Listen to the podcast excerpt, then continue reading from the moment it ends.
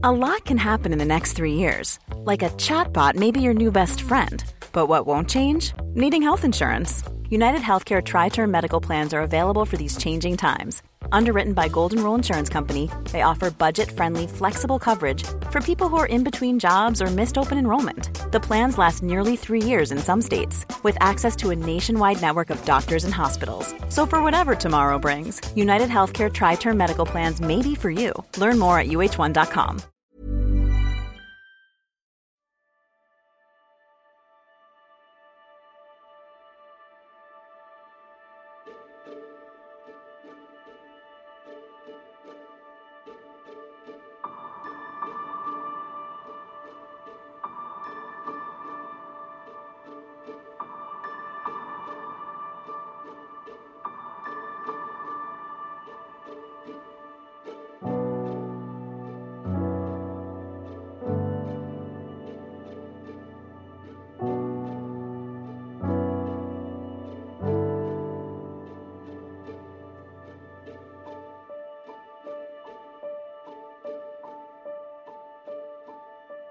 Hej på er! Den här gången blir det ett lite annorlunda avsnitt än vad eh, ni och jag är vana vid. Jag sitter nämligen själv här i min lilla hemmabyggda poddstudio. Eh, och tanken är att eh, det inte ska vara en gäst den här gången, utan det är bara jag idag, eller i det här avsnittet. Och avsnittet ska handla om någonting som är väldigt personligt för mig och ganska svårt att prata om. Men jag vill dela det här, mycket för min egna skull och min egna bearbetning, men också för andras skull. För att eh, minska ensamheten och öka gemenskapen när det gäller det här. Jag ska nämligen prata om min graviditet, som jag precis har gått ut med. Eh, jag ska både prata om graviditet, men jag ska också prata om missfall. Så om det finns, om det är någon av er som lyssnar som tycker att det är jobbigt att lyssna på eh, historier som rör missfall, så av olika skäl så får ni jättegärna stänga av nu om ni tycker att det är jobbigt, för att det här avsnittet kommer att handla mycket om det. Men eh, ja, jag ska dela mina egna erfarenheter kring den här graviditeten och eh, andra graviditeter som jag har haft. Och jag vill också säga att det här är ju mina upplevelser och mina erfarenheter och jag pratar utifrån vad jag har känt. Eh, det betyder ju inte att alla ni andra som har varit med om liknande saker kände likadant. Eller att det finns, det finns ju de som har haft mycket tuffare resor än vad jag har haft, eller vi har haft. Men jag känner att jag vill dela vår historia och eh, ja, ni som är intresserade av att lyssna får jättegärna fortsätta lyssna. För jag tror verkligen på det här med att eh, minska tabun och ensamheten när det gäller missfall och graviditet efter missfall. Jag ska försöka vara så kortfattad som möjligt idag, men eh, känner mig själv rätt så blir jag nog lite långrandig när det gäller just det här ämnet. Men eh, jag ska försöka hålla det koncist. Men i alla fall, var ska man börja? Jag är gravid, Bonnie ska bli stora syster. vi ska bli tvåbarnsföräldrar. Herregud, alltså det känns så, så otroligt stort och så kul. Jag tänker på det ofta och visualiserar framtiden med två barn och eh, ja, bara ser framför mig Bonnie och hennes syskon. Det ska bli så otroligt roligt det kommer ju bli speciellt för oss när ett nytt barn kommer in i vår familj. Vi, jag är ju egenföretagare och min man jobbar skift och också egenföretagare, så det är ju, det är ju speciellt. Eh, vi kommer behöva vara lite modern family, men det kommer bli jättebra, jag är helt eh, säker på. Vi kommer lösa det. Men eh, även om jag känner att det är jätte, jättekul att vara gravid och jag är så tacksam Liksom, för det, så har det också varit en, det har inte varit en lätt match helt enkelt, mentalt, den här graviditeten. Och jag ska förklara lite varför. Allting började egentligen, ja, det var början av förra sommaren. Ehm, då fick jag, på våren där fick jag tillbaka min mens från att jag hade slutat amma Bonnie och eh, fick tillbaka min mens. Vi hade inte tänkt på syskon alls innan dess, men när jag fick min mens så blev, blev jag liksom glad av någon anledning. Eh, det var ju det såklart för att jag var glad för att min kropp fungerar och att den är igång igen och sådär. Men eh, det var någonting i mig som blev glad för jag insåg att då kan vi faktiskt börja fundera på ett syskon i alla fall. Och då gick det inte jättelång tid, utan eh, på sommaren där så, vi skyddar oss inte speciellt mycket, utan på sommaren där så fick jag för mig att jag var gravid. Det var i juli tror jag. Och eh, blev nog lite glad för sen när mensen kom i juli så blev jag besviken. Och då tänkte jag att ja, men jag kanske vill ha ett till syskon. Um, och tog upp det här med, med min man och eh, han var inte heller emot tanken. Så då bestämde vi oss för att börja försöka igen efter ett till, till barn. Och eh, vi plussade faktiskt nästa månad där. Eh, gravida på första riktiga försöket och det var ju helt otroligt. Eh, jag var så tacksam och jag var så himla glad när jag såg det här plusset på stickan. Eh, ingen av oss är väl speciellt förtjusta i bebisverkstan på det uppstyrda och systematiska sättet som det lätt blir. Så jag var så glad och såklart jätteglad och förväntansfull över att vi skulle bli föräldrar igen. Precis när jag fått reda på det så åkte vi till Cypern på en semester och det var verkligen bara, ja, rosenskimrande hela tiden. Vi, vi pratade om hur det skulle bli vi småbarnsföräldrar, vi pratade om framtiden och ja, det var väldigt, väldigt eh, härligt. En jättehärlig resa på det sättet. Sen kom vi hem och eh, den dagen vi kom hem så slog illamåendet till som en käftsmäll. Det var helt otroligt. Alltså.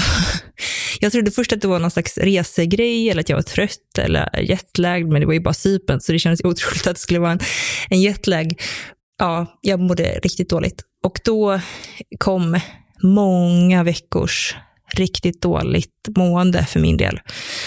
Eh, främst fysiskt då. Jag mådde så illa, jag var så trött. Eh, sen blev det ju såklart liksom andra effekter utav det, att det tärde väldigt mycket på vår relation, för att jag kunde inte vara mig själv riktigt. Eh, jag hade svårt att ja, känna glädje på ett sätt. Alltså jag var glad vid graviditeten, men jag kände liksom att jag hade svårt att känna glädje i vardagen när jag mådde så dåligt. Och också försöka driva en mat-Instagram när man mår riktigt illa och tycker allting luktar och smakar pyton är ju inte det lättaste om man säger så. Men ja, tiden gick. Jag tyckte inte att min mage växte så mycket, men eh, jag är lång. Eh, jag är, inte, jag är liksom jag, jag var van vid, vid Bonnies graviditet. Jag fick inte så stor mage heller då någonsin, men det tog lång tid innan den började synas. Så jag kände inte, jag tänkte inte så mycket på det. Eh, men sen var det i alla fall dags för KUB-ultraljudet och vi, det fick vi i vecka 13 tror jag det var. Och jag var så förväntansfull. Det här var första ultraljudet som min man skulle få vara med på. Eh, vi hade ju en pandemibebis innan, så mm, innan dess så hade han bara varit med på Facetime. Han var ju superexalterad över det här ultraljudet och eh, jag kände väl att ja, men jag är glad men jag är också lite nervös, liksom, som man kanske är inför ultraljud. Jag försökte intala mig själv att eh, ja, men allting är bra. Jag mår ju ändå så pass dåligt att det kändes som att mina symptom jag hade inte kunnat må så illa om det hade varit eh, någonting dåligt med barnet till exempel. Men eh, vi kommer in på ultraljudet och jag får lägga mig ner och sen så börjar då, eh, om det nu är en barnmorska som gör ultraljud, det vet jag inte, men barnmorskan säger vi, började göra ultraljudet och eh, hon var helt tyst. Och det första hon säger är dessvärre. Oh, jag ryser i hela kroppen när jag tänker på det. För det ordet, det ekar fortfarande i mitt huvud. Just ordet dessvärre. Och det kändes som att jag inte riktigt hörde vad hon sa efter det. För jag var så... Ja, men jag förstod ju att det inte var bra liksom, när hon sa så. Eh, då sa hon att eh, fostret hade slutat växa i om det var vecka sju eller åtta. Eh, och att jag inte var liksom egentligen gravid, bara det att min kropp trodde att jag var gravid. Någonting som också kallas för uteblivet missfall eller missed abortion. Jag var i fullständig chock.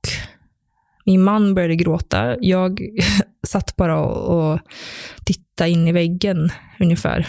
Eh, och sa liksom, jag mår ju jättedåligt, jag är jättetrött, hur kan det här ens vara möjligt? Men eh, tydligen så är det det.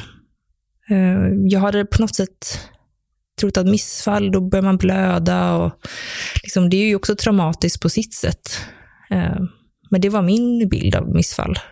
Inte att kroppen inte skulle märka det. Eh, ja, och sen efter det då så började en ganska hemsk tid med eh, en så kallad medicinsk abort, som man måste göra då för att få bort resterna i livmodern och liksom avbryta graviditeten helt. Så hela hösten gick åt att egentligen försöka få bort de här resterna, vilket inte var helt lätt. Eh, det var otroligt psykiskt jobbigt för mig. Jag kände liksom... Jag var liksom i chock och jag, jag kände att eh, jag var orolig för det, för det mesta, för jag kände att, att man... Det här startade upp någon så spiral inom mig, att allting var möjligt. Att, ibland så tänker man ju sådär att ja, men det kommer inte hända mig, det, händer bara andra av någon konstig anledning. Alltså det är helt ologiskt. Men eh, så när det händer sådana saker så blir man mycket mer medveten om vad som faktiskt kan hända i livet. Så det var en väldigt jobbig tid. Men samtidigt så försökte jag också tänka att eh, det var ingen stress med till syskon. Det var inte det. Men samtidigt så, när man väl varit gravid en gång och sett fram emot det så mycket så är det så svårt att inte tänka på det. Men eh, jag fick en kemisk graviditet sen i november. Eh, det innebär att man får ja, ett plus på stickan, men att eh, man får liksom mens direkt efter. Så det blir ju inte riktigt en graviditet. Eh, så det var ju också jobbigt att få det igen. Eh, men det visade sig att jag hade en massa blod i livmodern som gjorde att jag såklart aldrig fick eh, fäste.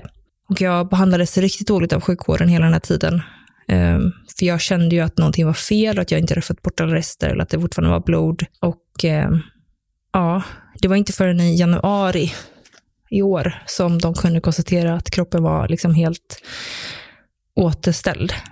Så ja, det, det var en väldigt jobbig höst psykiskt. Eh, alltså tyvärr kunde jag liksom fokusera på att jobba och eh, vara med familjen och ja, försöka tänka på annat. Men ni som varit med om missfall kanske känner, känner igen det här, eller det behöver inte alls göra, men kanske finns några som känner igen känslan att man, man vill ju bara bli gravid igen. Um, även fast det också känns jätteläskigt att bli gravid igen, men samtidigt så är det det man vill. det, är så, det är så dubbelt. Um, men eh, vi har ganska lätt för att bli gravida, som tur är. Och uh, i februari då igen så blev vi faktiskt gravida igen. Och uh, den här gången när jag såg plusset på stickan så var jag ju inte glad. Jag, jag var tacksam att det gick och att jag att liksom kroppen mådde bra igen, att jag kunde bli gravid, men jag var inte glad ens i närheten av det jag var när jag blev gravid med Bonnie eller gången efter. Och det beror ju på att jag kände att eh, ja, men, man är ju inte säker och att du vet ju inte vad det här tar vägen. Eh, så att både jag och mannen tittade på stickan och kände väl egentligen ingenting. Eh, men såklart, någon form av tacksamhet hade vi. Men det var också en väldigt stor oro som eh, slog till där från, från dag ett egentligen. Så sen i februari har jag haft väldigt svårt att vara glad över min graviditet, eller vår graviditet, trots flera ultraljud som visar att allting ser normalt ut. Men eh, jag kunde liksom inte tro det. Alltså det känns som att jag har blivit lurad förut av min kropp. Och eh, Även fast jag kände mig hur gravid som helst sist, så var jag ju inte det. Så jag tycker hela det här, ja, det är svårt det där att, att det finns förväntat att man ska vara så glad när man är gravid. Och det, det, jag vet ju att det är folk som aldrig får bli gravida och, och kämpar. Så det, man känner ju ändå stor tacksamhet, men när man har varit med om saker innan så är det svårt att känna den här äh, jättestora glädjen. Att vara gravid efter missfall är verkligen ingen dans på rosor. Åtminstone inte för mig. Och eh, sen kommer ju såklart illamåendet igen och tröttheten och kombinationen med oro och ångest. Det är ju inte en jättebra ekvation för en psykiska mående. Eh, jag tycker det är väldigt få som pratar om det här, alltså att bli gravid efter missfall och hur det känns och liksom alla de här känslorna som bubblar upp som är så fruktansvärt dubbla. Både en otrolig tacksamhet och glädje, men också den enorma oron man kan ha och den enorma ångesten man kan ha att det ska hända någonting. Det är två känslor som kan finnas samtidigt. Och det är, ju, det är nästan det som är jobbigast på något sätt, att parera det här, de här två. Man är glad i hela sekunden, så kommer man på att oh, jag kanske inte vågar vara glad. och nu är jag ju i vecka 19 när jag spelar in det här. Så får vi se om jag är i vecka 20 eller 21 när vi släpper. Men eh, jag tycker inte att oron har minskat jättemycket. Eh, mitt största bekymmer just nu är att jag går runt och känner efter sparkar. Det var den här veckan, eller vecka 19 som jag började känna sparkar med Bonnie. Och eh, jag känner ju, jag har ju känt det här barnet sedan vecka 17 i magen, tror jag. Men eh, jag kan ändå bli helt såhär nojig. Det kanske inte var en spark, det kanske var gaser eller ja, vad det nu kan vara. Så att jag går, går ju och så här psykar mig själv och försöker känna efter. För jag tror att Eftersom att sist att inte, jag kände mig gravid, men det var inte en graviditet, gör att jag nu känner mig väldigt så här, att jag inte vågar lita på mig själv och vad jag själv känner. Men nästa vecka ska vi på rutinultraljudet och eh, jag är så totalt livrädd för det, men eh, det ska också bli eh, på ett sätt väldigt skönt att bara få eh, ett kvitto på att bebisen antingen mår bra eller att ja, men få reda på liksom hur det står, står till där nere, eller där inne. um, jag är bara så rädd att jag ska få höra ordet dessvärre igen. Jag vet liksom inte hur jag skulle ta det. Men eh, hör ni det här avsnittet så har det gått bra. um, så jag hoppas verkligen det. Ja, hörni, en graviditet efter missfall, det är inte lätt som sagt. Eh, det är verkligen en gåva, men eh, den här känslan av att kroppen har svikit den en gång, den sitter kvar.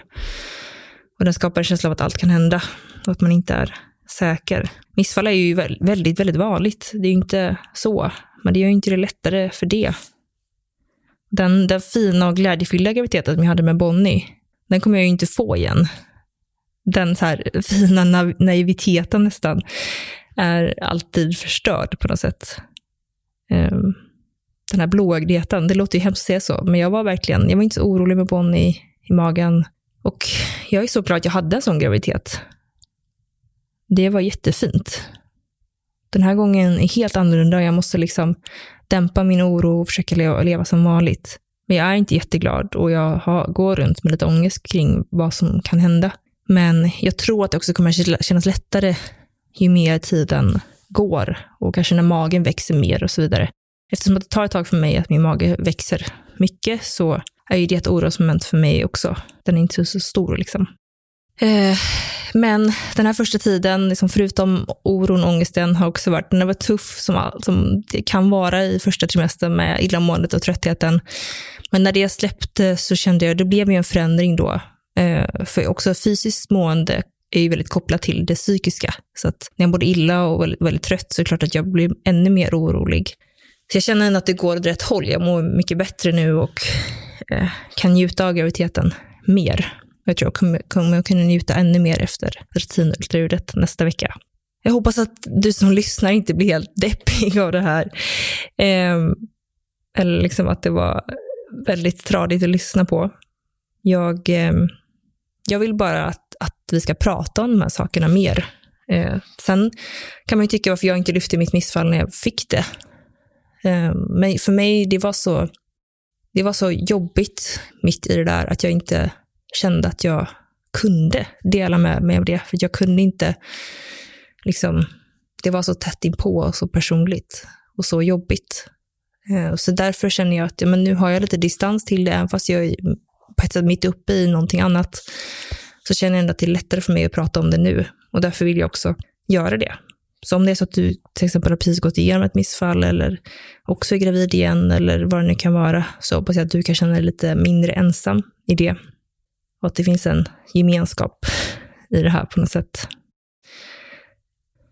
Jag har ju verkligen velat berätta om den här graviditeten för er som lyssnar och mina följare på Instagram. Eh, det är ju en stor del av ens liv som man faktiskt inte kan prata om då, under den tiden man själv väljer att inte vilja prata om det. Och jag har väl känt att jag har vänt, velat vänta med att berätta om graviditeten just för att ja, men allt som har hänt och jag vill liksom vara ja, lite mer stadig när jag berättar om det. Eh, men nu ser jag fram emot att kunna prata om det mer och det här är en del av föräldraskapet också, väldigt mycket. De här resorna när man skapar nya, nya liv. Så tack så jättemycket för att du har lyssnat ända hit. eh, hoppas som sagt inte det blev för deppigt. Är det någon som vill prata om det här eller ställa någon fråga så skicka gärna ett DM så pratar jag gärna mer där. Hoppas att ni får en helt fantastisk dag eller kväll eller när ni nu lyssnar så hörs vi snart igen. Kram på er.